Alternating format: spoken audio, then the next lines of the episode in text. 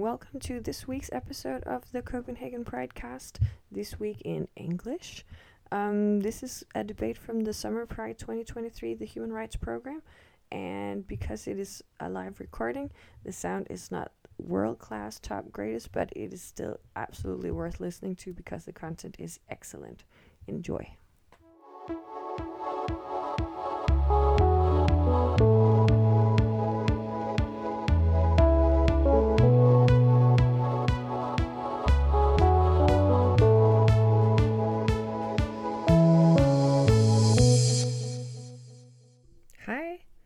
Det en ny uge, det vil sige et nyt afsnit af Copenhagen Pridecast. Øhm, og vi er stadigvæk i gang med at køre debatter af fra Summer Pride 2023 og alt det gode, der ligger i banken derfra.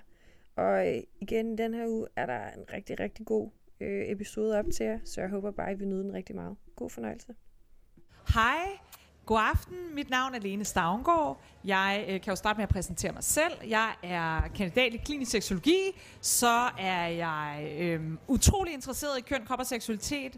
Jeg er tidligere national chef i Sex og Samfund og har arbejdet med rettigheder, køn, krop og seksualitet de sidste 21 år.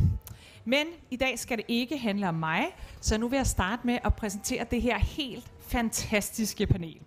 Så øh, vi havde lavet en rigtig god landingsbane her til Lars. Øh, men øh, ja, Lars Oskar Henriksen, også øh, kendt som forpersonen for Copenhagen Pride. Øh, derfor har du altså undskyldt dig selv også ved at have rigtig travlt i den her Ja, uge. men øh, derfor kan man altså godt passe tiden. Ja, men det er jo klart, du klarer det lige på et, øh, altså et millisekund her.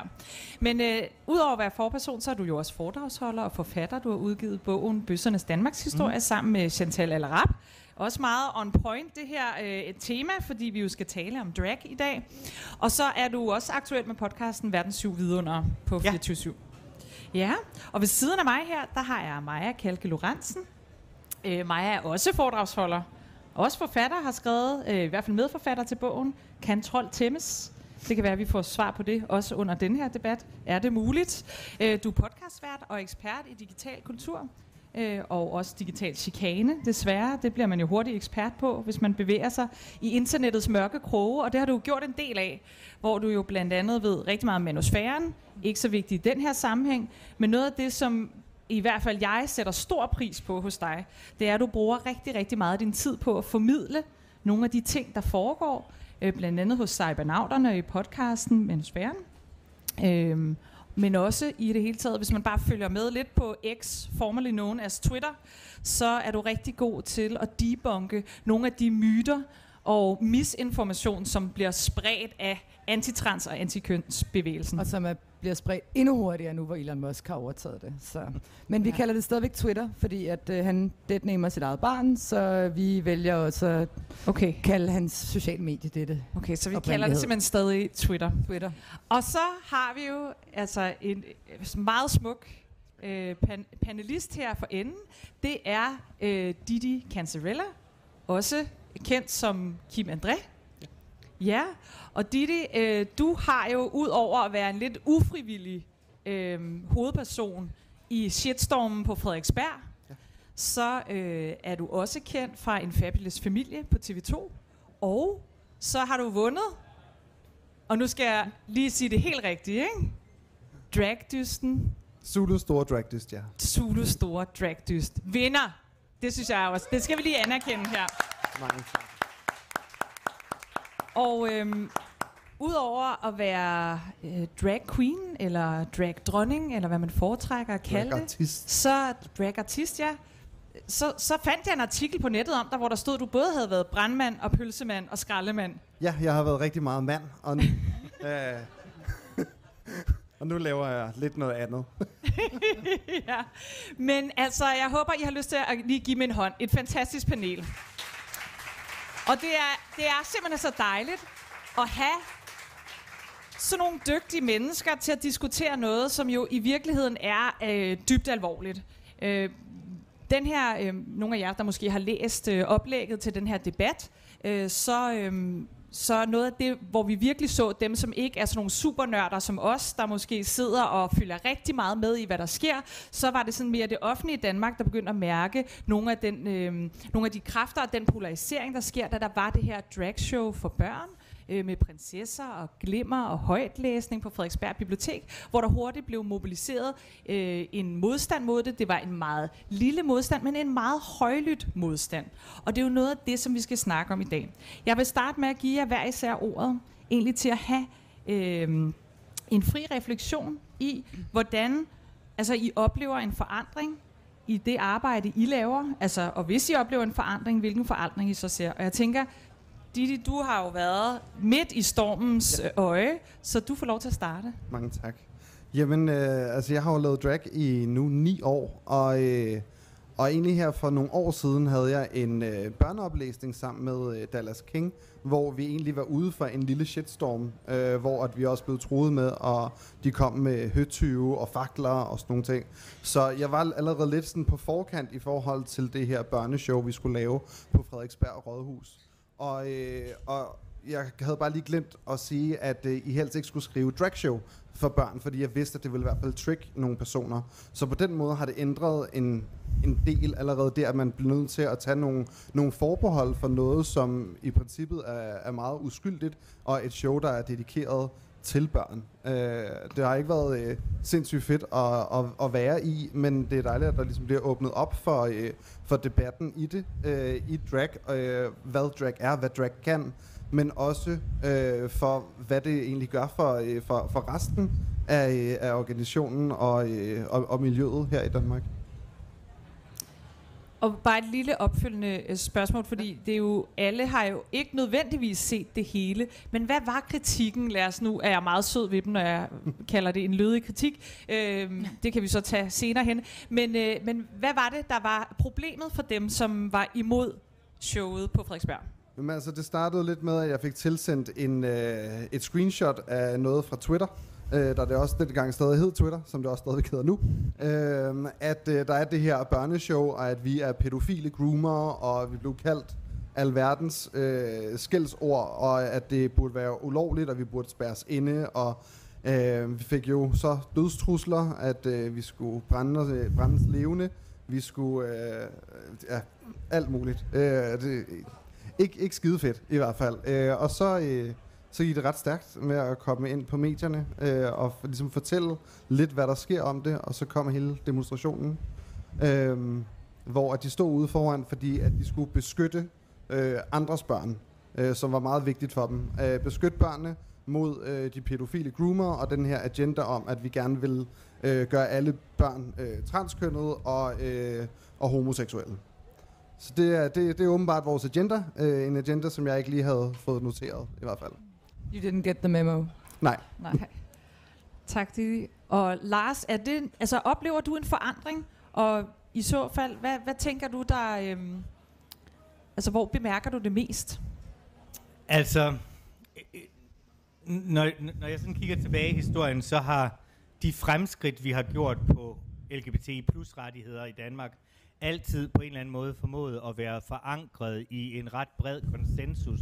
Det være sig i Folketinget, eller det være sig i, øh, øh, i befolkningen, inden at det blev gennemført. Og det synes jeg egentlig har været ret vigtigt, fordi det også har betydet, at når der så kom et nyt folketing til, så blev det hele glædet om igen, fordi man ligesom havde stemt alt igennem med den mindst mulige, det mindst mulige flertal. Øh, men det der også kendetegnede den tid, fordi dengang var der også folk øh, og partier, øh, der ikke stemte imod forbedringer på vores område, det var, at når de så havde tabt den debat, mm. så, så holdt de mund og vendte ligesom fokus et andet sted hen, øh, og, øh, og så hørte vi ikke mere om det. Øh, og det, jeg synes, der har forandret sig, det er, at der er sket en tiltagende politisering af vores liv, hvor, hvor øh, vi også bliver øh, symboler på, hvor man står politisk i, i alle mulige andre spørgsmål. Og øh, hvis man så ikke synes, man får gennemslagskraft, når man taler om de ting, øh, så fører man det over på os som problemet, øh, og, og, og gør os i virkeligheden til en kampplads for noget, der er noget helt andet. Og det synes jeg har forandret sig øh, inden for de sidste bare 5-8 år. Øh, noget andet er så, at øh, jeg, jeg, jeg, synes, jeg, jeg synes, det er super vigtigt, at når vi står i de her kampe, at, øh, at vi så husker, at det må ikke betyde, og det var præcis det, I heller ikke gjorde, øh, at vi så skal stikke hovedet i busken eller bøje os for presset, men så skal vi tværtimod være et modpres. Ikke fordi vi skal ud og slås i gaderne, det er egentlig ikke det, jeg mener, men vi skal bare insistere på at gøre og være os. Øh, det er det, der har ført kampen frem hele tiden, og det vil det fortsat gøre. Øh, og øh, jeg ved i hvert fald, at vi i Copenhagen Pride, øh, vi har jo haft børn med i Copenhagen Pride i masser af år, enten i paraden eller langs ruten, eller folk, der tager deres børn med ind på pladsen osv. Men nu er vi begyndt at skabe, øh, kan man sige, øh, arrangementer, der er henvendt til børn, øh, for også at sige, jamen, LGBT-personer har også været børn engang, eller er børn, der ikke er blevet voksne endnu, osv. Øh, og det er ikke fordi, vi på den måde vil overbevise nogen om noget, men vi vil gerne skabe det sikre rum. Og, og det kunne man jo godt i ly af den her debat sige, uh, det må vi hellere lade være med. Øh, for, og, og, og, og, og vi vidste udmærket i år, at når vi sagde, nu laver vi, sætter vi nogle børn, regnbuebørn i starten af paraden, og vi har børnepride ind i Rådhushaven osv., at så vil der komme kritik og opmærksomhed. Øh, men vi gjorde det på trods, øh, og, og blev simpelthen enige om, så det er endnu vigtigere at gøre nu, i lyset af det, der skete på Frederiksberg Bibliotek nogensinde før, for at insistere på, at det ikke er os, der seksualiserer børnene, det er dem, der kritiserer, der seksualiserer børnene. Øhm, og så selvfølgelig forberede os på den kritik, vi godt ved, der kommer. Så øh, stålsatheden er jo også et resultat af det. Det er ikke at bøje nakken, men blive ved med at insistere på, at øh, der er ikke noget farligt ved os.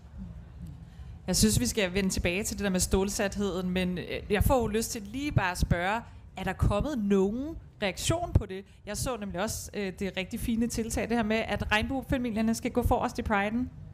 Øh, der er ikke, altså, jeg har ikke set nogen negative reaktioner endnu. Det kan være, det er, fordi jeg ikke har haft tid til at følge kommentarspor nogen steder. Men der har været en interesse fra medierne. Det er faktisk måske altså bortset fra det traditionelle pinkwashing og sådan noget, ikke? Øh, og, og, og hvor det sidste år var, var hvad hedder det, abekopper, så er det jo koranafbrændinger, som alle ringer og spørger om, øh, som overhovedet ikke har noget med os at gøre. Men øh, så er det det, jeg er blevet spurgt til flest gange, ikke? Men det har været egentlig, synes jeg, mere interesse, øh, at man har grebet fat i det, end det har været kritik. Mm. Tak, Lars. Og Maja, du har opdaget det, tænker jeg at ja. der er sket nogle ting også i Danmark. Men hvor er det, du møder det henne i dit arbejde? Jamen, øh, jeg har jo researchet, hvad kan man sige, anti-LGBT og anti-transbevægelsen øh, længe, øh, og har set, hvordan den sådan har bevæget sig fra særligt øh, med inspiration fra USA, og så stille og roligt kommet til Danmark. Og vi kunne allerede se sidste år i 2022, der eksploderede den her anti-drag-dagsorden, ligesom i USA. Det, det her øh, initiativ, der hedder Drag Queen Story Hour, hvor der er en drag queen, der læser for børn på bibliotek. Det blev startet i 2015. Og det har egentlig bare kørt, og folk synes, det er super fedt, at børn får læst op af en drag queen, ligesom de får læst op af alle mulige andre, der er klædt ud. Men i 2017 så opdagede ham, der hedder Alex Jones det, som er ham, der står bag det, der hedder Infowars. Super konspirationsteoretiker. Og han prøvede ligesom at få folk forarvet over det, og der skete ikke rigtig noget. Men det, der så er sket i de mellemliggende år, det er, at øh, dem, som den yderste højrefløj øh, og de her ekstreme bevægelser, som jeg researcher, de plejer at bruge som prykkelknapper. Det har tidligere især været muslimer. Det har meget været sådan nogle bevægelser som Black Lives Matter og antiracister. Det er nu, de har ligesom brug for en ny bøgemand, og det er i høj grad blevet LGBT-personer og især transpersoner. Og de har kørt rigtig hårdt på transpersoner rigtig længe, og nu er de så rykket videre til det bredere miljø, blandt andet drag queens. Det er jo nemlig ikke det samme. Og især i 2022, der blev det virkelig sådan, okay, her har vi argumentet for, at den her bevægelse er farlig. Det handler ikke bare om rettigheder. De er ude på at indoktrinere børnene. De vil gøre dem alle sammen transkønnede. Øh, de pædofile, de groomer. Det var virkelig i 2022, at vi så det eksplodere. Der var flere hundrede protester foran Drag Story Hour eller Drag Brunch, hvor folk, der tror, at de skal komme ind og have en hyggelig dag med deres børn, bliver mødt med bevæbnede øh, hvad hedder det, gadevoldsorganisationer som Proud Boys ude foran. Øh, og du er simpelthen nødt, altså der kommer alle de her optøjer ude foran de her drag brunches, som jo også betyder, at mange forældre så tænker, jeg kan ikke tillade mig at tage mine børn med herhen, fordi det er simpelthen for farligt, og det er for ubehageligt, så selvom jeg bakker op. Og det er jo så den sådan bevægelse, der har inspireret det her i Danmark. De prøvede allerede tilbage i 2022, prøvede dem, der hedder Generation Identitær, at lave lidt ballader med dragshow. Det lykkedes dem ikke rigtigt, men i år har de ligesom sådan, de her konspirationsteoretikere, som er dem, der har lavet protest mod jeres, de har ligesom taget fat i det, Øh, og øh, de mangler igen. Det er nogle bevægelser, der hele tiden mangler et fjendebillede. Det er nogen, der hele tiden leder efter relevans. Konspirationsteoretikere i Danmark savner relevans efter, at vi åbnede op igen efter corona. Der er de blevet irrelevante. Og nu har de fundet ud af, jamen LGBT-personer, drag queens, transpersoner, det er noget, som for nogle menneskers PCK, det er noget, vi kan bruge til at rekruttere. Så vi ser faktisk, at de her konspirationsteoretikere og den yderste højrefløj, dem der hedder Patrioterne går live, som er en del af Stram Kurs tidligere, de var også med. Og de ligesom mødes og finder ud af, det her, det er ligesom vores nye prygelknappe, det er det nye, vi kan skabe panik om, det er det nye, vi sådan prøver at mobilisere på. Og der kigger de jo i høj grad på USA, hvor det har været enormt effektivt. Det viser sig bare heldigvis, at det er lidt mindre effektivt i Danmark, trods alt. Og det tror jeg blandt andet skyldes den her ret stålsatte modstand, og det her med, at man ikke lægger sig fladt ned, når de gør det til, ej, ej, gud ja, det er også lidt for kontroversielt med det her med børn, vi må hellere lade være. For det er jo meget det, der sker mange steder i USA, at øh, altså, der er mange, der trækker stikket på det, og ligesom øh, lægger sig ned. Øh, og, og at der er i langt højere grad en helt anden type politisk bevægelse, som kan se det smarte i at bruge LGBT-minoriteter som sådan en, en måde at, at piske til had på. Mm. Nu har jeg jo i det hele taget hørt dig tale om det her mange gange, Maja, og øh, jeg tænker, at noget af det, som også er, er vigtigt at forstå, det er jo, du taler jo om den her, altså det er en bevægelse, men hvad er det, bevægelsen gerne vil? Hvorfor? Altså de vil gerne skabe panik, øh, og der ved jeg, at du tit har forklaret det her med at bruge det som et wedge issue. Ja. Vil du ikke fortælle lidt om det? Jo, men et, et wedge issue, det er ligesom et emne, som måske ikke har så stor materiel betydning for folk. Men det kan splitte for eksempel LGBT-bevægelsen ad. Det øh, var der helt tilbage i 2017, var der nogle, øh, konservat- en konservativ tænketank, der helt åbent sad og snakkede om, vi skal bruge de transkønnede til at splitte LGBT-bevægelsen ad, fordi der er måske stadigvæk nogen, der synes, at det er lige at gå lidt for langt, det her med at pille ved kønnene. Så hvordan kan vi gå ind og ligesom øh, kile noget plads ind imellem folk, der ellers er solidariske med hinanden? Hvordan kan vi splitte feministerne omkring det her emne? Hvordan kan vi splitte LGBT-bevægelsen?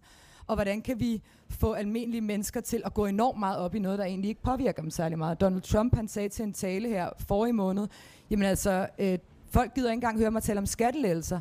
Bare jeg nævner transkønnet, så går de helt amok, og folk snakkede ikke om det her for fem år siden. Det er fantastisk. For ham betyder det, at han kan undlade at snakke om, hvad han egentlig har på sit politiske program, som ikke, er sådan, øh, ikke har noget at gøre med hans vælgers hverdag. Der er ikke noget med økonomi, der er ikke noget med klima. Øh, men han kan ligesom tale om det her wedge issue, som sådan kan erobre dagsordenen. Og det er meget det, som LGBT og særligt transpersoner bliver brugt som, især fordi så få mennesker kender transpersoner. Så du kan i virkeligheden bare gå ud og sige hvad som helst og skabe enormt meget panik omkring det. Øh, og skabe, altså ligesom sådan feed ind i en usikkerhed, øh, som mange mennesker har omkring køn, og øh, hvad, hvad kommer der nu til at ske? Det, det er ligesom det, som de feeder ind i, at det betyder for mange. Det kan betyde politiske stemmer, det kan betyde nye lyttere til din reaktionære podcast, eller følgere til dine sociale medier. Du kan fundraise på det. England har en kæmpe stor scene af antitrans sådan kvindesagsforkæmper, som lever af at sprede misinformation og hele tiden fundraise til deres podcast og deres retssager og ting og sager. Så det er ligesom også sådan en, en levevej for nogle mennesker, der driver det her tog fremad. Ja, så en effektiv strategi på mange øh, måder, og øh, også noget, som jo så gør, at vi lige pludselig i Danmark ser en begivenhed som Frederiksberg Bibliotek det jeg selv fandt lidt interessant i Danmark, det var jo, og især også for en led på det, som Lars siger, det er så vigtigt, at når vi oplever de her ting, at vi så ikke bøjer af og bliver bange for, at øh, når man, altså, i virkeligheden lidt forning, det man ville kalde i et, i et, i et helt andet øh, issue, men det der med ligesom at prøve at, at plise så meget, at man får lov til at være her. Øhm, men at, at det jo er strategisk, det vil sige, at den modstrategi virker ikke at plise, fordi så vinder man bare indpas og finder nye. Men og jeg, jeg, prøver, jeg har prøvet at kalde det sådan lidt den her i gåseøjne offentlig forhandling af minoriteters rettigheder. Men den offentlige forhandling af minoriteters rettigheder, de har jo nogle konsekvenser. Og Didi, du var lidt inde på det før, det her med at få en masse hadbeskeder. Men vil du ikke prøve at fortælle lidt om sådan, altså hvad er det, hvad betyder det for din hverdag? Hvad betyder det? Har du mærket nogle forandringer i forhold til, jeg, jeg bed jo lidt mærke i, at du sagde før, at du faktisk tænkte sådan, uh, måske skal vi lade være med at skrive drag show for børn. Er der andre ting, hvor du tænker sådan, at, øh, at det, det har ligesom presset dig ud i nogle situationer, hvor du skal gøre noget anderledes, end du plejer at gøre? Ja, det har det i hvert fald. Altså jeg, øh, det at få så mange hadbeskeder og dødstrusler sætter ligesom nogle spor på det inderste i en, øh, og det giver noget, det har i hvert fald givet mig noget, noget angst. Øh, jeg var ude for her for en måneds tid siden, at øh, der var nogen, der gik bag ved mig, tæt ved min gade, øh, og øh, jeg fik sådan en, oh fuck, nu sker det. Øh, så jeg skyndte mig ind, øh, åbnede hoveddøren, løb op ad trappen, og så i det, jeg kom op på første sal, så hører jeg så døren gå op, og så tænker jeg sådan, åh, oh, endnu mere fuck. Så jeg skynder mig ind af min øh, lejlighed, og øh, får smækket døren hurtigt, inden jeg ser, hvem det ligesom er. Øh, og først bagefter, sådan, når jeg der bor andre mennesker her. Øh, så, så jeg har jo ligesom sådan en, ja, en, en mild form for PTSD eller noget, hvor jeg skal være virkelig øh, påpasselig og gå sådan varsko i forhold til, hvordan jeg, jeg klæder mig, eller jeg sådan kigger på folk, sådan, er der nogen, der sådan genkender, hvem det er, jeg er øh, i drag, ude af drag, for jeg er jo en offentlig person. Øh, jeg øh, kører også helst i bil hen til alle ting, jeg skal. Jeg har ikke lyst til at være i, øh, i, i offentlig rum eller offentlig transport, øh, bare for at tage mine egne sikkerhedsforanstaltninger. Så, så der har det i hvert fald sat nogle spor, men så som, som sagt også at, at ligesom ændre på ordene for bare at undgå, at der skal komme nogen, der kan fuck det hele op for en masse børn og familier øh, til et øh, til dragshow, som er designet til børn. Øh, der er sat ekstra sikkerhed af til øh, igennem Pride'en for eksempel, især til drags. Øh, der er sat ekstra sikkerhed på over i Rådhushaven. Så, så alle de her tiltag er jo med til at, at gøre os sikre for noget, vi ikke burde have noget for. Øh, jeg er sindssygt glad for al den opbakning og støtte, der har været fra hele communityet, og også ude fra communityet øh, til det her, og det har også været med til at egentlig kæmpe igennem det her. Øh, for det har, det, har, det har virkelig været hårdt, og Diana og jeg har kigget på hinanden, øh, inden det var, at vi sådan tog afsted, og var sådan, måske dør vi i dag. Øh, og det er bare ikke en tanke, som nogle mennesker nogensinde skal have, uanset hvem de er, øh, og hvilket bagland de kommer fra. Så mm. det er der, det i hvert fald har sat, øh, sat store spor i mig. Ja, og det er jo altså ud over øh, ganske forfærdeligt, så også ekstremt uretfærdigt. Altså, at det er ikke det, vi kender som det danske frisind, eller øh, i det hele taget bare en beskyttelse af rettigheder. Den dag på Frederiksberg dog, ja. der var jo demonstrationen men ja. der var også en moddemonstration. Ja. Det og så var der noget med størrelsesforholdene. Ja, øh, jeg tror, at den var øh, ja, sådan 10 gange større, øh, den dejlige moddemonstration, som, øh, som der var blevet skabt fra, øh, fra communityet. Og det var, øh, det var virkelig bevægende at se, at der var, sådan, der var så mange, øh, også mange af jer, der sidder her, øh, var med til ligesom at, at, at få skabt det, og ligesom overdøve de få, der råber virkelig, virkelig højt. Øh, det var virkelig overvældende, øh, selvom vi ikke måtte gå ud og vinke lige i starten. Øh, så øh, havde vi tår i øjnene over, øh, over den opbakning og støtte. Øh, til gengæld så synes jeg, at det er, det er ærgerligt, at der først kommer støtte nu, øh, mm. i forhold til alt det had, som transpersoner og BIPOC-personer mm. har haft hele livet. Øh, så, men hvad der er godt for noget, er skidt for noget andet, eller omvendt. Mm, ja. Men når du siger det, så får jeg faktisk lyst til at give ordet til Lars, fordi noget af det, øh, altså det her med, er det noget nyt? Er det et nyt fænomen, ikke? Mm. Øhm, du har jo sådan det lange historiske blik. Så Lars, kan du måske fortælle lidt om, nu hører vi det her med, at argumenterne imod drag queens jo blandt andet er det her med, at man kan smitte børnene med noget, påvirke børn med noget, at man kan forføre børn til noget, eller de bliver skadet af noget. Er det er noget nyt, som de her strateger har fundet på nu? Nej. og øh, da, da Chantal og jeg kastede os over og arbejdede med Bøssernes Danmarks historie, som løber fra 1900 til 2020, så vi har altså ikke hele historien med endnu, der var det i virkeligheden med en tanke om, at nu skulle vi ind og beskrive det danske frisind, ja. som Lene lige nævnte. Øh, og det vi opdagede ret hurtigt, det var, at vi fandt det ingen steder øh, i kilderne. Øh, det er en national myte, som vi skaber om os selv, fordi det kan vi godt lide, øh, og, og, og fremstille os selv som de bedste til alt muligt, men der er ingen LGBT-rettigheder på noget tidspunkt gennem de 120 år, vi nu beskriver, som er kommet flyvende ind af vinduet som stegte duer. Det er kommet på grund af demonstrationer og protester og afsavn og øh, mod hos aktivister osv. Og, og op imod en magt, som ikke har ville tilgive, til, tilstille os det. Og bare for at tage et eksempel øh, så øh, ynder vi jo tit at sige, at øh, Danmark var meget tidligt ude med at afkriminalisere homoseksualitet. Det skete i 1933, eller egentlig i 1930, men med effekt fra 33. Øh, og det er meget tidligt i historien. Øh, der, er ikke, der er en 3-4 lande, der er før, men ellers altså Norge, det kommer med i 74, tror jeg, eller sådan noget, ikke? Så vi er ret tidligt ude. Men er det, fordi der sidder et folketing, eller en rigsdag, som det hed dengang, som får ondt af bøsserne? som var dem, der var kriminaliseret. Lesbisk sex kunne man slet ikke forestille sig øh, eksisterede, fordi der var jo ikke en mand øh, til stede, og dermed ikke nogen mulighed for penetration, og så var sex utænkeligt, øh, og derfor var det ikke kriminaliseret, men det var altså mandlig homoseksualitet. Øh, Øh, og var det fordi, de sad og havde ondt af os? Nej, det var det ikke. Det var fordi, man ville have en ny straffelov, og den havde man arbejdet på i 25 år. Øh, og da man ligesom kom med forslaget, så introducerede man det princip i dansk strafferet. Det var det ikke før. Der var, det, der var straffeloven sådan bygget op om, at man skulle øh, gøre samfundet bedre og mere moralsk gennem lovgivning, så man kunne altså, kan man sige, forbyde noget, man bare ikke synes om. I den nye straffelov indførte man det princip, at for at noget skulle være forbudt, så skulle der være en skadeligt. Altså en, der var gået ud over. Ellers så skulle man ikke forbyde ting. Og som en logisk konsekvens af det, måtte man jo indse, at hvis to voksne mænd, der i øvrigt var enige om, det, havde sex med hinanden, så var der jo ikke en skadeligt. Og også til forskel fra dagens politik, så var der altså, kan man sige, dengang nogen, der lå under for logikken, øh, og så afkriminaliserede man homoseksualitet øh, som en konsekvens af det. Øh, men så indførte man lige det samme en ny seksuel lavalder. Det kom med den samme straffelov. Indtil da havde der ikke været nogen seksuel lavalder for homoseksualitet. Al den stund, det var, for, var forbudt lige meget, hvilken alder man havde. Øh, men øh, der var en for heteroseksuelle, den var 12 år.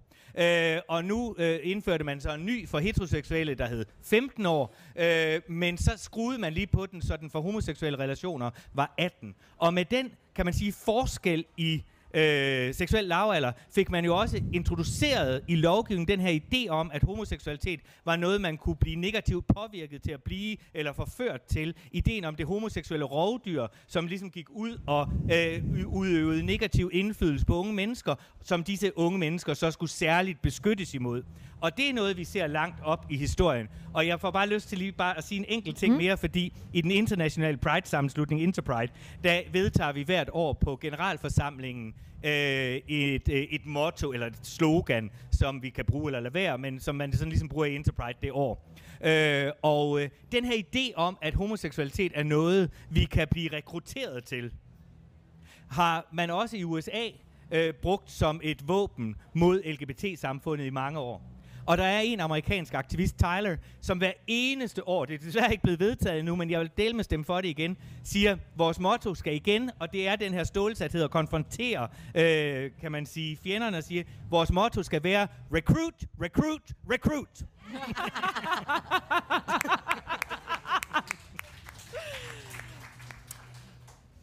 ja, men altså... Øhm det, det er jo godt, at vi, øh, vi, får, vi, vi får nogle slogans her på bordet, fordi at det er jo ganske alvorligt. Og det er ikke bare noget, vi kan affeje med, at det er nogle tossede amerikanere, øh, som, øh, som ikke forstår det danske frisind, fordi vi ser den her bevægelse i Danmark. Mm. Men har den for alvor slået rod, Maja? Altså nu... Altså man kan sige, hvis man kigger på øh, protesterne øh, og moddemonstrationen foran Frederiksberg øh, Bibliotek, så må man sige, at der havde de forregnet sig lidt med, hvor hurtigt den her dagsorden var nået til Danmark. Der var ret over en ret bred kamp var der modstand. Der var nogle enkelte politikere, øh, blandt andet en fra Liberal Alliance, mener jeg, som var sådan, ja, vi skal også beskytte børnene mod drag. Men så fik hun faktisk ret meget høvl, også sin egen partimedlemmer i kommentarspor. Så der kan man sige, de var der ikke helt endnu, men hvis vi kigger på transkønnede børns rettigheder. Mm. Når vi snakker om juridisk kønsskifte, som vi gør lige nu igen, for det faktisk viser sig, at det er ulovligt at nægte børn under 18 juridisk kønsskifte, hvis de har en interesse i det. Det siger øh, EU's menneskerettighedsdomstol. Så er det straks et andet type emne, og når man så kigger på den debat, der foregår, det lovforslag, der var til afstemning inde i Folketinget i marts, om at forbyde medicinsk behandling øh, og kirurgisk, som vi ikke giver i Danmark ud over det, øh, til, til, til børn under 18, børn og unge under 18, så er det fyldt med den samme type misinformation og de samme øh, sådan idéer, som vi ser i USA og som vi ser bragt frem i England. Og det er altså, øh, der blev stemt for det fra øh, ret meget af højrefløjen. Mm. Øh, hvad hedder det? Så, så det, det lever her stadigvæk, og det er igen det der med, hvad for en gruppe kan vi godt tillade os at skabe en moralsk panik om. Og de er, de er der ikke helt med transpersonerne nu, men i USA er det ligesom blevet primet rigtig mange år med transkønnet, og nu går man ligesom efter drag queens, og det virker også. Og det, som det kommer tilbage til, nu hedder øh, overskriften, hvornår blev drag farligt? Mm. Og det er sjovt, at drag har jo været farligt længe. Farligt. Og så er det blevet mainstreamet, og så lige pludselig så gør nogen det farligt igen. Man har haft, i England og USA har man haft lov mod crossdressing. Altså det her med at iklæde sig det modsatte kønstøj, som jo er noget, der påvirker alle mennesker. Altså jeg kan godt lide at gå i bukser for eksempel. Det var jo ikke lovligt øh, for kvinder i England i ret lang tid. Det var sådan en stor kamp for dem, der kæmpede for stemmeret, blandt andet det her med at klæde sig i mandetøj. Men det her med, at du i virkeligheden har et behov for at, øh, at være politibetjent over for, hvordan folk ser ud, øh, og sige, at du har de her fysiske karakteristika, så skal du klæde dig sådan her. Og det, der følger logisk efter det, det er, så skal du opføre dig sådan her. Det, som den her bevægelse går rigtig meget op i, det er også sådan noget som reproduktion. Mange af dem er imod retten til fri abort og andre typer selvbestemmelse. Det her med at sige, øh, du må ikke få adgang til kønsbekræftende behandling som transperson, det er også at tage folks autonomi væk fra dem. Argumentet er, at du kommer til at fortryde det. Det siger folk også med aborter. Det er også argumenter for abortmodstandere. Der er mange, der fortryder. Men det er jo, altså, det, er jo det, vi skal... Og, og det, så det, med, det, jeg mener med det, er, at det er også en feministisk mærkesag at kæmpe imod det her og sige, det handler om retten til at være den, du er. Det handler om at selvbestemme sig til din egen krop, og det inkluderer altså at tage beslutninger, som du potentielt set kan fortryde. Du kan også fortryde et heteroseksuelt ægteskab. Det gør de fleste, men det forbyder vi ikke. altså, så det er bare for at sige, at de her kampe hænger rigtig meget sammen. Og grunden til, at man ligesom starter med transpersonerne, er, at når, når de fleste cis-personer møder den her idé om, at nej, dit køn er ikke nødvendigvis fuldstændig fast, eller de møder nogen, der leger med det, og siger, jamen nogle gange er jeg øh, sådan en, en øh, overdreven version af en kvinde, og nogle gange er jeg ikke, så giver det et ubehag. Vi kan, de vil gerne have, at det er noget, ligesom, der er meget fast øh, og meget øh, hvad hedder det, sådan, at de vil gerne argumentere med det naturgivet, og det har sådan noget som drag altid udfordret. Mm. Så derfor har det altid været farligt for rigtig mange, den her idé om, at køn er mere flydende, og det er et større spektrum end bare mand og kvinde, og der er kun to, og det handler om, hvad du har imellem benene. Ja. Og altså, nu kommer du jo netop lidt ind på nogle af de her, ikke bare argumenter, men også, hvad er det egentlig, man spreder sådan misinformation omkring? Øh, noget af det, jeg har set der tale rigtig meget om, det har blandt andet været det her med øh, et meget ømtåligt emne også, som jo er transkønnet i sport, mm. hvor at der ofte bliver bragt sådan nogle eksempler frem, og øhm, som jo selvfølgelig altid er meget sådan øh, voldsomme. Det kunne for eksempel være eksempler på øh, transkønnet, der har deltaget i kampsport eller sådan noget. Og nogen, men mange gange er de historier ikke rigtige. Nej. Det er for eksempel... Øh, Det er også først et problem, når de vinder. ja, og det sjove er, der er jo simpelthen så få historier med transkvinder, for det er sjovt nok aldrig transmænd. De Nej. bliver totalt usynliggjort i den her øh, debat. Der er blandt andet en, en øh, transkønnet bokser, øh, som en transmand, som bliver ved med at være sådan, jeg vil gerne kæmpe mod folk, og der er ikke nogen, der gider stille op imod ham. Mm. Fordi det, de siger implicit, er, at jeg står ikke på kvinder. Altså, så det er jo Ja. også sådan, der er en ekstrem disrespekt over for øh, transmænd i forhold til deres sådan, udøvelse af sportsgren. Mm. Og så transkvinder er der den her antagelse af, jamen, du vil vinde alt, hvad du deltager i. Og det kan vi jo bare se på de transkvinder, der faktisk får lov til at stille op. Det er simpelthen ikke rigtigt. Men selv hvis der en dag kom den situation, hvor der var en transkvinde, der rent faktisk vandt en, en, en, et konkurrence i de olympiske lege eller en stor liga, mm. så ville folk jo også altså, flippe fuldstændig ud over det. Men, men for mange er det jo selv et problem, at de deltager. Altså det britiske maraton havde en særskilt kategori for transpersoner og ikke-binære. Der var en, der stillede op. Det flippede de også ud over. Så det er jo det her med eksistensen af folk, der ikke lever op til den her binære kønsforståelse. Og sådan eksistensen i det offentlige rum bliver problematiseret i sig selv. Mm. Og så det her med at påstå, at det handler om, at de vinder i sport, eller det handler om det ene eller det andet. Det er ligesom en undskyldning. Det er det eksempel, du kan bringe op, fordi det vil få rigtig mange almindelige mennesker, der ikke ved noget om, hvad der sker med en krop, når du får hormonbehandling, for eksempel. Mm. Øh, og hvad det gør ved din muskelstyrke, hvor hurtigt du kan løbe. Det ved rigtig mange mennesker ikke om. Det gør rigtig, rigtig meget. Mm. Øh, de fleste transkønner kan berette om, at de kan løfte væsentligt mindre end deres ciskønnede veninder, for eksempel. Fordi du har testosteronblokker i kroppen. Øh, så de fleste har mindre testosteron, end jeg har som ciskvinde, for eksempel. Ja. Sådan nogle ting. Det skal man jo vide noget om, men, men det er enormt nemt at sprede misinformation om, og så bare ligesom antyde, der kommer nogle store, skækkede, muskuløse mænd, og så stiller de op i kvindesport og slår alle kvinderne af banen. Og udover, udover at man bare kan sige, at kvindesport er så altså er så lidt prestigiøst, så hvorfor skulle der være nogen cis-mænd, der gad det, så, så, så, er det, så er det også baseret på en masse misinformation, men det er effektivt, fordi hvis man ikke ved noget om det, så kan man også hurtigt tænke, ej, det lyder også uretfærdigt. Mm. Ja, men det er også, nu er det også, nu er det nok, nu er det for meget. Så det er det, man ligesom bruger de her emner til. Ja. Og hvis jeg bare må tilføje, så er der altså også et eller andet med, at og, og det, det egentlig primært i mandesport, at der er sådan en dyrkelse af, det, af, af den usædvanlige krop. Altså hvis vi begynder at tale om fairness, mm. altså jeg vil ikke kunne stille op i noget som helst og vinde det, det kan jeg godt skrive under på. Men, men, men, men pointen er, at når det er en Michael Phelps, så priser man ham, fordi han har længere hænder og fødder end alle andre, og derfor kan han svømme hurtigere. Eller når det er Miguel Indurain, som nogen måske kan huske, som var sådan en, en cykelrytter, der vandt Tour de France et utal af gange, øh, og som havde sådan en, en særlig opbygning, så han iltede sit blod hurtigere end andre. Og man, man testede ham på alle mulige måder og sagde, uanset hvilken sport han havde kastet over, ville han have været den bedste, fordi han var så usædvanlig. Der var ikke én person, der nævnte, at det var uretfærdigt for alle de andre. Mm. Nej, han var jo et helt fænomen. Eller det er uretfærdigt, at Michael Phelps har de her skovlblade som hænder. Mm. Nej, han er jo et fænomen, er jo en særlig, altså øh, skabt til at svømme.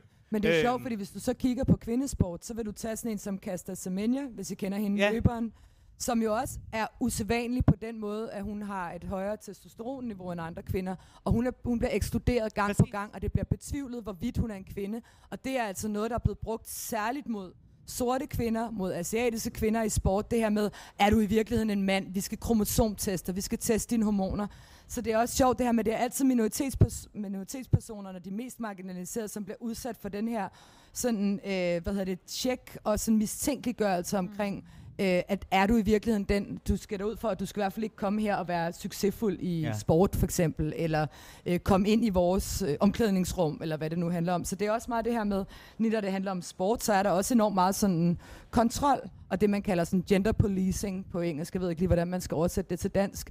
Men det her med, hvis du, hvis du ligger en lille smule ud for et spektrum, så er du suspekt, og så skal du ikke have lov at være her. Mm. Så det er en, øh, en, en kamp faktisk om majoritetens opmærksomhed og holdninger, men med minoriteternes rettigheder på spil konstant. Suk. Så hvis, øh, yeah. hvis vi nu prøver så at, at, at se på det fra en anden vinkel, og I får også lov til at stille spørgsmål på et tidspunkt, for jeg tænker faktisk, der er rigtig meget af det her, som har brug for mange forklaringer fra nogen som jer, som ved noget mere om det, fordi at der er så effektiv en misinformation, at det kan faktisk nogle gange være lidt svært at finde rundt i.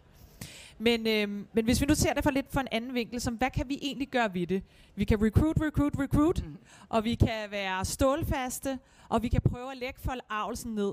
Men Didi, du er jo en vinder her. Altså nu, Lars sagde, at han ville ikke vinde noget, og det, Maja var heller ikke lige keen for. Du er jo vinder af, altså af, af drag racet her.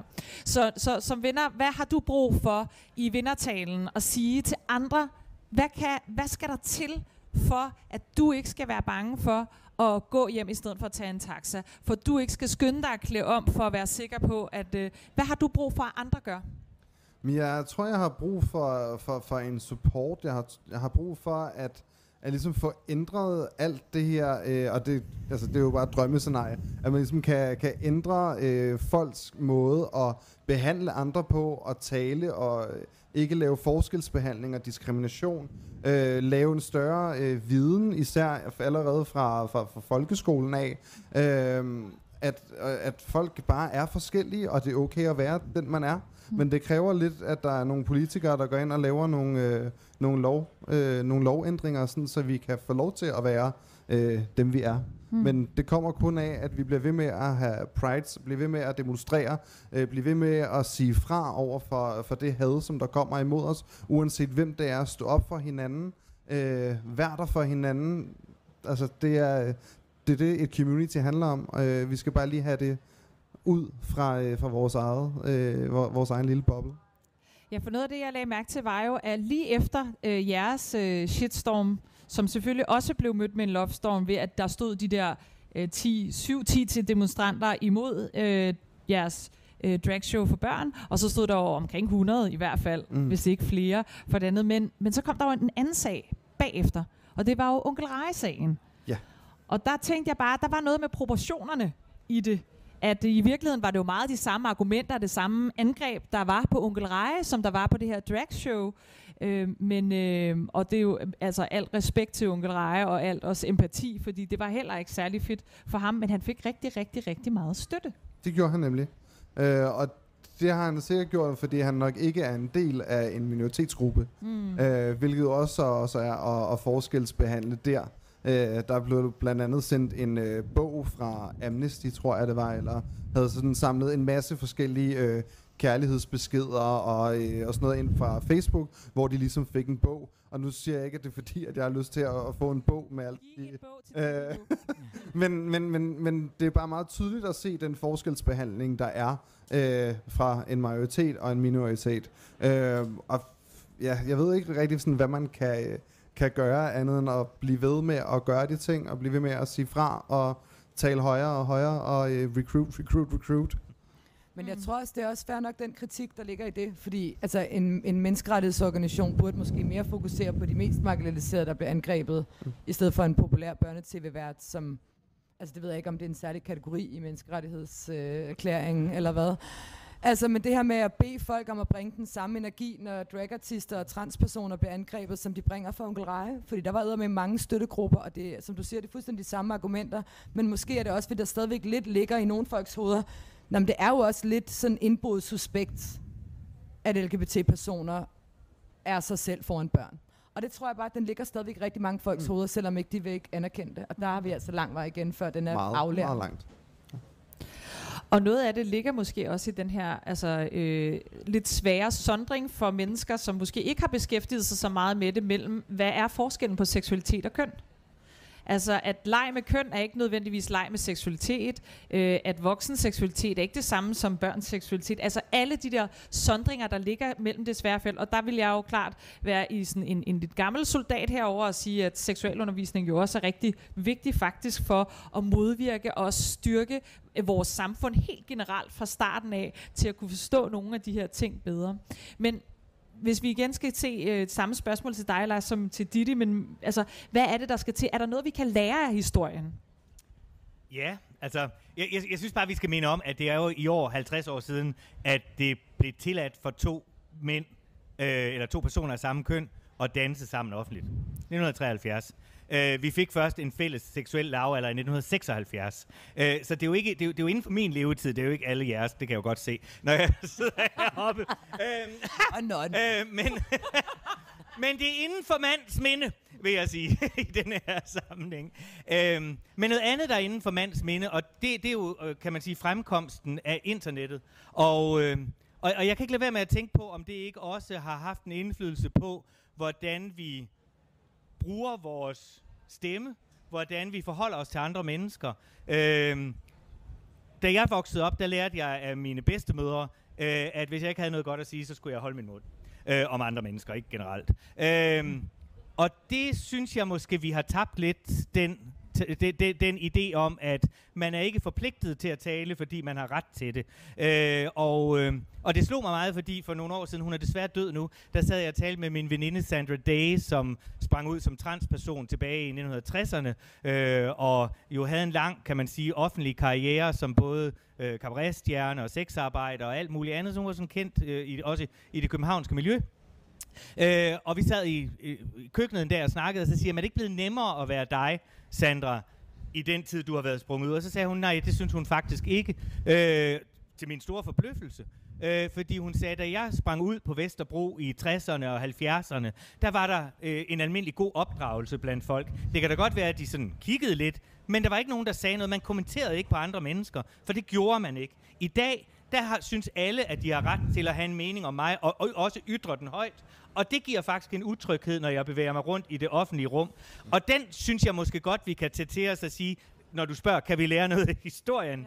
Ja. Øh, måske skal vi bare sådan lige tænke tilbage på den gode opdragelse og sige, behøver jeg altid at ytre mig højlydt, øh, eller kan jeg måske bare lade være med at synes noget, når det ikke kommer mig ved? Mm.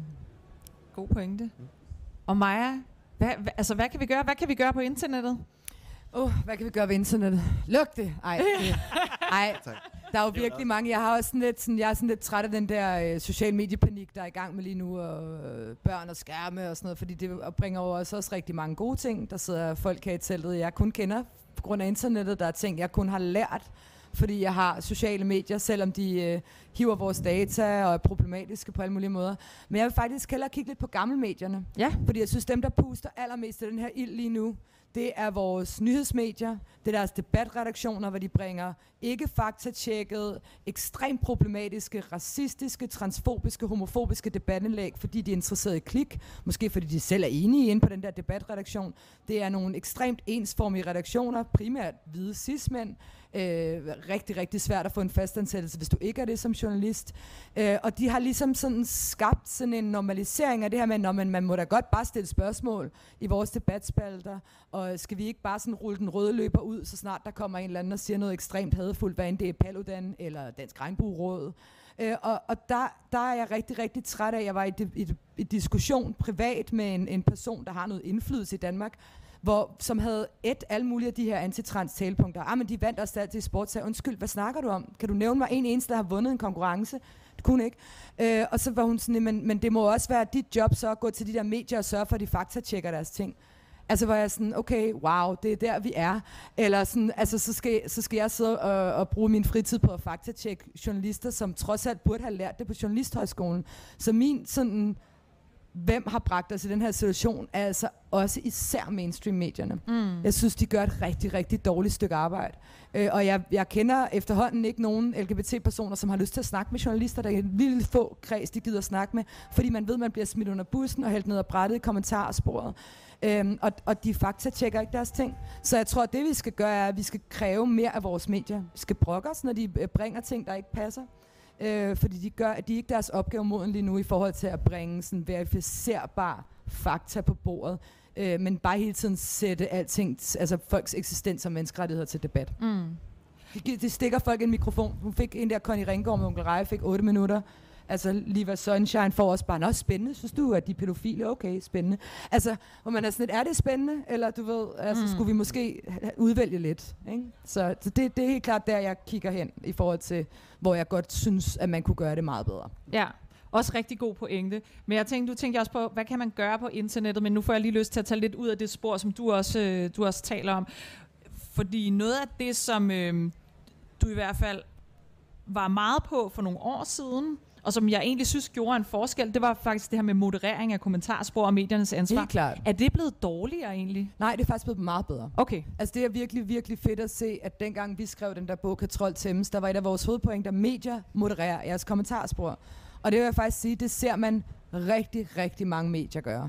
Der er stadigvæk nogen, der er lidt sløv til det, men, men, men selv altså sådan på Berlingske og Ekstrabladet og sådan noget, der modererer de faktisk til en vis grad deres kommentarspor. Kan de blive bedre? Ja. Er det stadigvæk et shit show? Men der er jo også nogen, der decideret lukker dem, mm. eller netop kun åbner op, når de kan moderere. Så det er blevet bedre. Så det her med, at vi kan godt stille krav til medierne. Mm. Vi kan godt gå ind og sige, så hvis I læser en artikel, hvor I kan se, at det her det er simpelthen ikke rigtigt, eller det her det er enormt hadfuldt, rock jer. Ja. Skriv det i kommentarsporene, overtag det og være sådan, hey, altså lad være med at gå i clinch med, med en eller anden troll, men kritisere dem, der bringer det, dem, der er vært for den her diskussion og sige, det kan simpelthen ikke være rigtigt, at det her skal være en samtale i et demokrati. I er nødt til at gøre det noget bedre, I er nødt til at faktatjekke jeres debatindlæg, og I er nødt til netop at moderere jeres kommentarspor. Mm. Men også, at, at I ikke konstant giver mikrofonen til nogle folk, der bare lukker had ud, og, og ikke har noget reelt øh, at have det i. Ja. Og jeg fisker lidt efter noget. Hvad fisker du efter? Jeg fisker simpelthen efter, du plejer at give sådan rigtig godt råd, hvad man kunne gøre. For eksempel for en som Didi, der skal sidde og læse, altså gå aldrig, det er den der Simba, gå aldrig ind ja. i kommentarsporet. Aldrig ind i kommentarsporet. Men hvis Didi går ind i kommentarsporet, nej, hvad er, hvad er det så, man kan gøre for også at hjælpe Didi? Man kan lovestorme hende, yeah. og det er rigtig, rigtig vigtigt. Og jeg ved godt, at man får det rigtig træls. Vi har Siden 2017 er der hvert år blevet undersøgt, hvor mange danskere, der blander sig i debatten på sociale medier, og det går ned hvert år. Lige nu er vores debat på sociale medier domineret af 32 procent af befolkningen. Resten gider ikke, fordi tonen er for hadsk. Og for kvinder er det 76 procent af os, der ikke gider deltage. Men det man godt kan gøre, man behøver ikke gå i debat med folk, der er nedtur, men man kan godt gå ind og lægge noget kærlighed, og lægge en savlig kommentar, og så bare tjekke ud. Man behøver ikke diskutere med individuelle trolls, men det viser Didi, hvis hun kigger i kommentarsporet, at der altså også er nogen, der bakker op. Så brug lige fem minutter på det hver dag. Spred noget kærlighed, eller skriv en savlig kommentar til dem, der læser med, fordi folk læser altså med, selvom de ikke blander sig og ser de her ting. Det kan man gøre som sådan en kærlighedshandling. Og det betyder altså ikke, at man skal sidde og overbevise en eller anden, der er allerede helt nede i et eller andet kaninhul, men man kan godt yde noget modstand, noget offentlig modstand og bakke op om dem, der bliver angrebet. Og det er rigtig, rigtig vigtigt at gøre. Fordi det betyder noget, når man sidder i sådan en shitstorm og føler, at man ikke er alene. Det gør det i hvert fald. Ja. Meget. Tak, Maja for min, øh, nu, min fisketur lykkedes. Ja. ja. Nu er der 10 minutter tilbage, og så derfor så synes jeg faktisk, at vi skulle lade jer derude stille spørgsmål. Altså, I sidder jo med en unik mulighed med tre utrolig altså, velbevandrede mennesker, mennesker i de her øh, debatter, og også utrolig kloge, ja, og meget behagelige også at være sammen med. Så, øhm, så jeg tror, der er en mikrofon, der sådan, så I skal bare tage lappen op, så er ordet frit.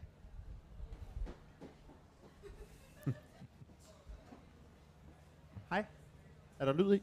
Det er der. Hej, jeg vil gerne spørge Didi om øh, efter shitstormen på Frederiksberg, om din drag, om du er blevet mere politisk i det, du gør, og jeg vil også gerne høre, om du har oplevet efterfølgende, at der er folk, der er kommet over til dig, og måske har sagt, undskyld, at jeg har troet, at drag var noget shit før, og nu faktisk øh, har set, at det ikke er skadeligt og er fantastisk. Tak. Tak for dit spørgsmål. Øh, det, er, øh, det er helt korrekt. Jeg har haft ret mange, der er kommet hen og, og bare givet kærlighed. Jeg har også fået en øh, masse kommentarer fra øh, en af mine veninder, Denise for eksempel, som har virkelig taget en, en kæmpe tørn. Øh, hende og en, der hedder Anne Mette, har øh, gået på Twitter og virkelig sådan skrevet til de her folk med sådan rigtige fakta om, øh, om det hele. Og de har endda også fået nogle, øh, nogle undskyld, øh, fordi jeg troede, at, at det var det her. Jeg oplever det ikke sådan helt så meget selv. Øh, jeg ved ikke, om folk de er sådan bange for at komme over til mig, øh, eller ej. Men, øh, men, men derudover, så øh, jo, jeg laver øh, flere politiske ting, øh, og deltager i forskellige debatter, for ligesom at, at brede ordet ud, og, og, og lade det komme fra, fra dem, som egentlig har, har oplevet det. Øh, så, øh, så, så, så det er dejligt der, men samtidig så vil jeg også bare gerne være dragartisten, der bare laver det, jeg er fucking dygtig til.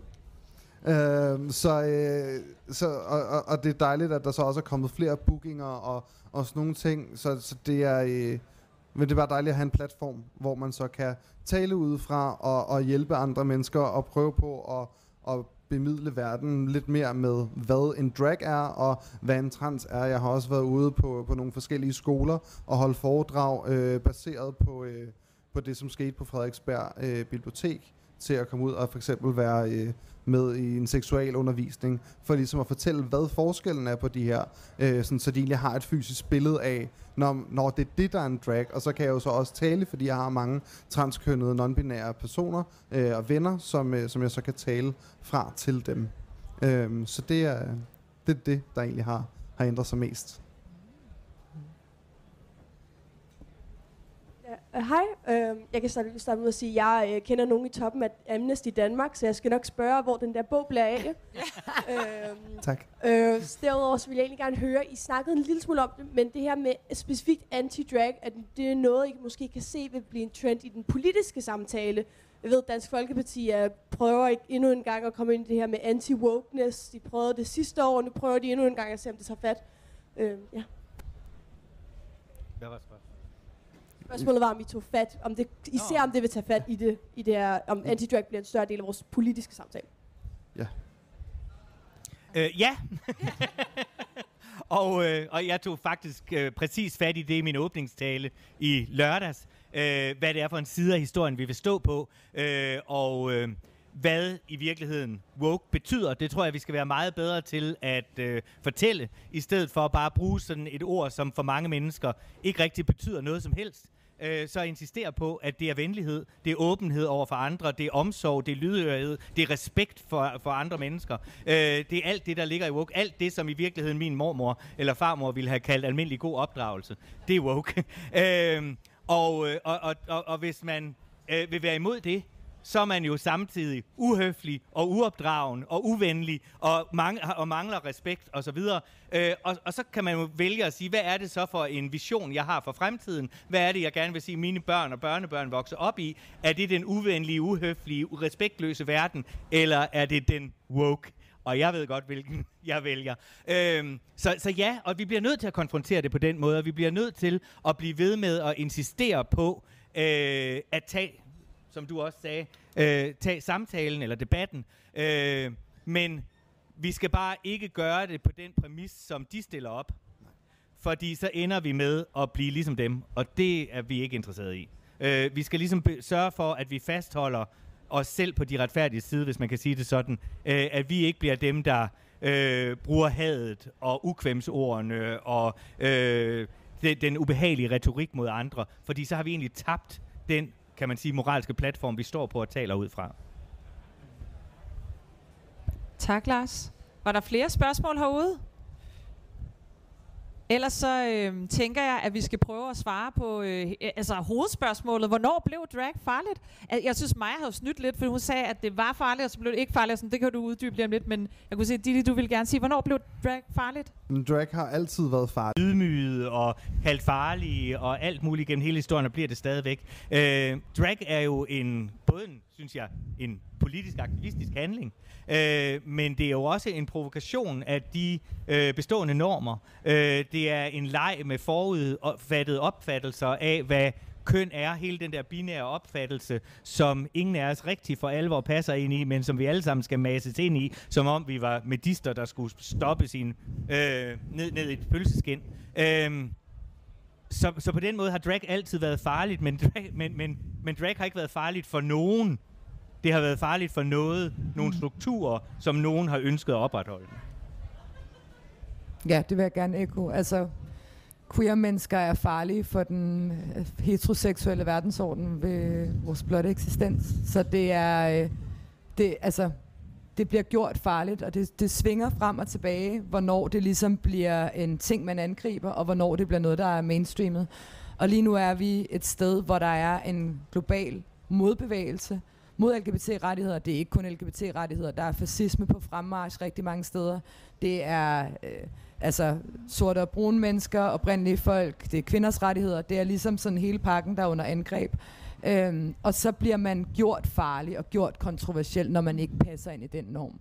Men det der er pointen med, altså der er jo ikke nogen, der kan vide sig sikker øh, under en fascistisk fremmarsch, så vores, altså selv dem, som tror, at de ikke vil blive troet af det her, det, det kommer. Mm. Så derfor så skal man stoppe det med det samme. Også selvom det er en marginaliseret gruppe, man ikke er en del af, der bliver angrebet først, så skal man med det samme sætte foden ned. Fordi det kommer øh, mm. til os alle sammen, og det kommer til at påvirke vores allesammens liv, hvis de har bevæget sig for fodfæste i vores øh, lovgivning og i vores samfund. Mm. Og det er jo vigtigt, ikke kun i forhold til rettigheder, men faktisk har vi jo meget at takke drag queens for fordi mange af de sådan, landvindinger i, øh, i sådan rettighedsperspektiv i verdenshistorien, der har jo været drag queens, der har stået forrest. Og det har måske også haft noget at gøre med, at når man er dem, der er mindst eller mest marginaliseret, det er også altså, transkønnet, så, så, så har man på en eller anden måde ikke noget at tabe, men alt at vinde. Og, og derfor tænker jeg også altid, det er vigtigt. Ja, Jamen, jeg, jeg har bare lyst til at gøre en pointe, fordi jeg synes faktisk, altså, jeg, jeg er enig i alle de sammenligninger, vi, mm. vi, vi gør lige nu øh, med, med, med USA, og, og desværre er der folk, der altid lader sig inspirere derfra.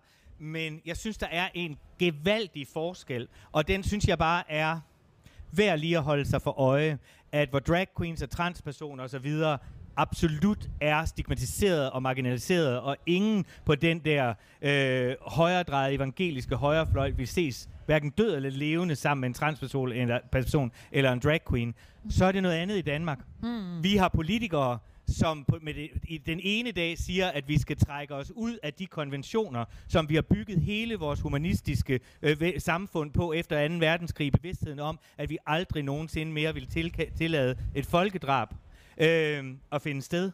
De samme politikere står og siger, Nå, jamen altså, der må da gerne, jeg elsker drag queens, eller nej, det er så hyggeligt, og de må da også gerne komme på det marked, jeg nu er på, eller den øh, øh, danser inde pavillon, jeg nu bestyrer, eller øh, hvad det nu er, ikke? Øh, så vi skal altså virkelig passe på, ikke, for, øh, mm. at lade os snyde af den der tilsyneladende tolerance og accept, mm. som man fungerer med, på den ene side, mm. samtidig med, at man står og siger nogle virkelig, virkelig voldsomme, forfærdelige, synes jeg, skræmmende ting, som at vi skal trække os ud af menneskerettighedskonventioner og flygtningekonventioner, og alt det, der i virkeligheden er skabt for at beskytte menneskers liv. Ja.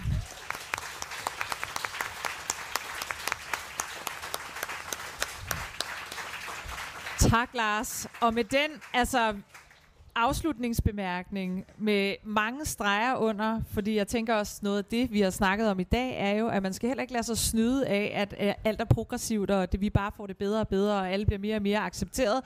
Det er desværre ikke sådan, det går med køn, krop og seksualitet. Der er cirkulære erkendelser, der er tilbagefald, toget kan køre baglæns. Så øh, vi skal have en rigtig dejlig Pride-uge, hvor at vi både kæmper, rekrutterer og øh, støtter hinanden. Og øh, jeg vil bare sige tak. Tak Maja, tak Lars, og tak Ditte. Velbekomme. Jeg håber, at I har nyttet det lige så meget som mig. Tak for invitationen.